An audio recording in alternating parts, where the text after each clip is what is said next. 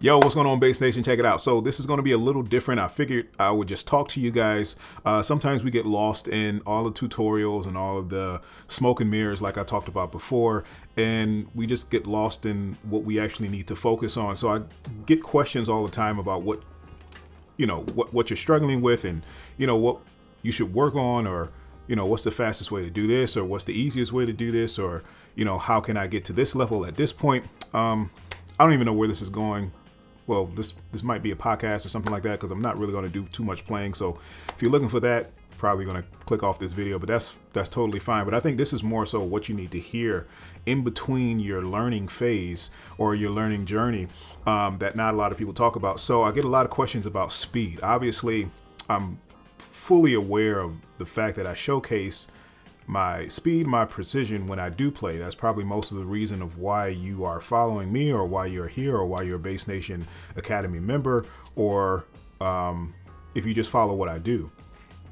So I completely understand that that is a part of the smoke and mirrors that some people get confused or distracted by. Not saying that you shouldn't achieve that, but some people fail to realize you have to have a starting place. I had a starting point uh, before I was able to achieve the speed that I have, which I really don't think is that crazy. I'm still trying to achieve even faster speeds and you know conquer different things that I've done, uh, or or just trying to accomplish or different songs or different lines. But I got this question and it just kind of made me think, and I just wanted to talk to you guys for a second. Uh, you know, how do you increase finger speed? How you increase feet speed? Period. Like you know, left hand speed, right hand speed, picking hand speed, fretting hand, whatever hand you're using doesn't matter.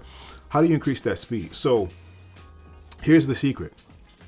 There is no secret to increasing speed. It's super, super repetition. You have to be overly obsessed with being precise. You have to be overly obsessed with being able to increase that speed or get better or or to accomplish a certain goal. For me, it was transcribing songs and certain lines that I thought were out of reach, I was able to hit those goals because I was super obsessed and I would not let it go until I was able to achieve it. Um, so there's a level of obsession that comes along with being a decent to great or good musician or good at anything that you do. It doesn't it doesn't matter. Even um, me I, when I was trying to attempt to learn a different language, like literally a, a, different language, I had to be obsessed with being able to learn it, being obsessed with learning, obsessed with learning a new word every single day. Like all of my time, all I thought about was that there was a uh, there was a level of obsession um, that I had to go through or that I had to have in order to get to that next point and want it bad enough, right? I think that's really the goal. I know you guys want it bad enough, but are you willing to go through that obsession phase, go through that repetition phase that can seem super, super daunting and and so boring to some people. But for me, I love that stage. I I, I, I get the hardships that go throughout, but I love the stage of just being hungry to want more, right? So in order to increase that speed or, or, increase whatever you want. It doesn't even matter. Does, speed is not even the factor.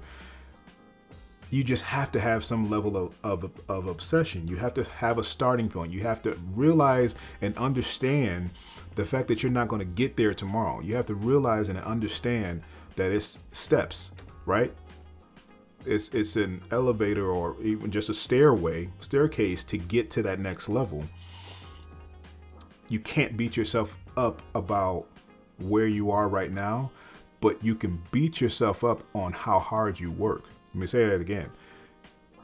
You don't need to beat yourself up on the fact that you're not where you want to be, but you can beat yourself up on how hard you need to work to get there.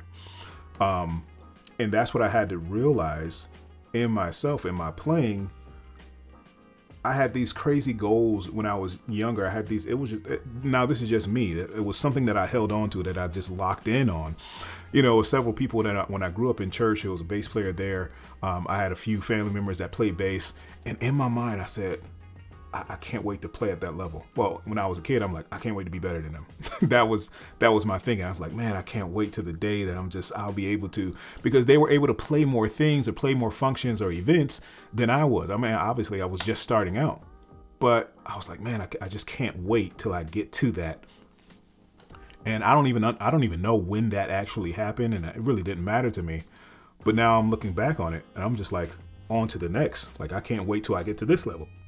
I can't wait till I get to this level. And I've been playing for 20 something years. 20, how old am I? 20 years. Yeah, I've been playing over almost, geez, I don't even want to say. I started when I was like, seriously, when I was like 11, 12, maybe, trying to learn. Yeah, so that's some time. Um, and I'm still not where I want to be. But I don't know who needs to hear this, but I I I know mentally in my head I have this discussion with myself when I get these questions every single day and majority of the people aren't willing to put in the effort, put in the repetition or even realize how much repetition goes into that right? It's the same. I'm, i use these analogies every day, and I, I feel bad for saying the same thing all the time, but I completely understand that there's somebody that may not have heard it. But even working out, right? You don't go to the gym, you come home and you see a completely different person, right? You go to the gym to work out, you eat right or whatever, day by day, and then you may see that transformation over six months, a year. You may see the total package over time, but you're not going to go the next day. Oh wow, yeah, I'm ripped. I'm, you know, shredded. It's not going to happen, you know, when you have 40, 50, 60, 100 pounds to lose. You know what I mean? So it's, it's the same concept with all of this. Um, in my playing, I just, I had that characteristic. I had that obsessive behavior. I had that OCD. Like I, I had, is that right? Um, I had that disorder, right? But it was a good thing because I just couldn't put my bass down. I wanted to learn more. It was it was more of a hunger thing for me versus a chore, right? And I understand some people think of it like that, and I, I didn't even approach the game. I didn't even approach playing or music that way as a um as some type of extracurricular activity or even just some type of subject I had to learn.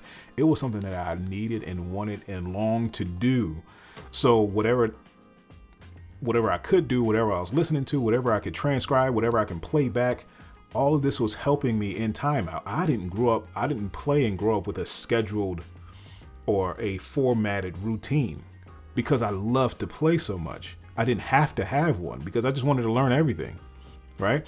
Um, so even now, some uh, my person I mentioned this in the podcast. If you guys haven't watched the other podcast with uh, me, Frank, Snoop, uh, Kenny, and uh, Justin, I mentioned this before. It's a little difficult in the beginning with with teaching because I didn't have that.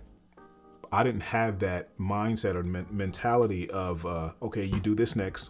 All right, now you do this next. Okay, now you learn how to pluck. All right, now okay, now you learn how, how to how to uh, create triads. Now you learn chords. Now you learn this.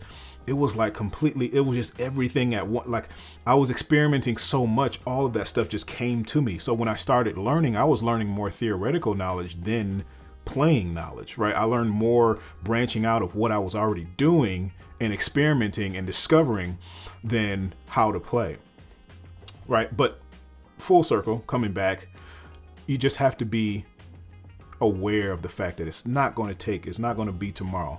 You do the exercises that we talk about, you do the dexterity exercises, you do anything really with repetition, you'll get faster at it. Uh, so it's really not a matter of, of, of how can I get faster or what should I do. You just repeat everything. I played the major scale up and down. I played that because that's all I knew. I got super fast at it, right? Just playing the major scale. Um, that's really all I knew. I had competitions. Uh, my cousin played bass at the time too. We was teenagers, kids probably, um, and we would kind of go back and forth. And you know, I learned super quick, uh, and I kind of surpassed him very, very soon because I had more of a obsession over it. Anyway, I don't want to make this super long. Uh, hopefully you guys got something out of this. I wanted to talk to you. I may make this a lesson. I think this is a lesson. This this is more valuable to me than me actually getting on my bass and showing you guys some things. But just keep that in mind. The fact that you have to have this sort of obsession or repetitive behavior with being able to achieve certain things you want to as far as music as far as any goals you have as far as creating a new habit as far as losing weight as far you have to create a routine repetition you have to get in that mindset that mindset uh, to be able to be successful anyway if you're watching this, thank you. Thank you for watching this. Uh, if you're listening to this in the podcast, thanks for listening in the podcast. Uh, subscribe while you're at it. We're on Apple um, Podcast, um, and I know I'm by myself on this one. I usually have the guys with me, but I, I just felt like you know, I felt like this was uh, an interesting topic um, that somebody needed to hear. Anyway, let me know if you got anything out of this. Sometimes I don't know. I feel like I'm just rambling sometimes, but anyway, let me know either way and uh, make sure nothing's coming out clean, clear. Oh, also, I meant to mention something. With the proper technique, right? Your speed. Let's go super vague here. Uh, with the proper technique, you want to be able to utilize these exercises in repetition. So make sure you're using the proper technique, of course, uh, and you'll be able to not make it so hard on yourself that where you're using terrible technique. And then, anyway, that's a whole nother section. I'll show you guys some more specific exercises as well as long as as well as the ones that we have here, you know, in the academy. Uh, so if you're interested in that, please go check it out. I'll talk to you guys in the next one. Peace.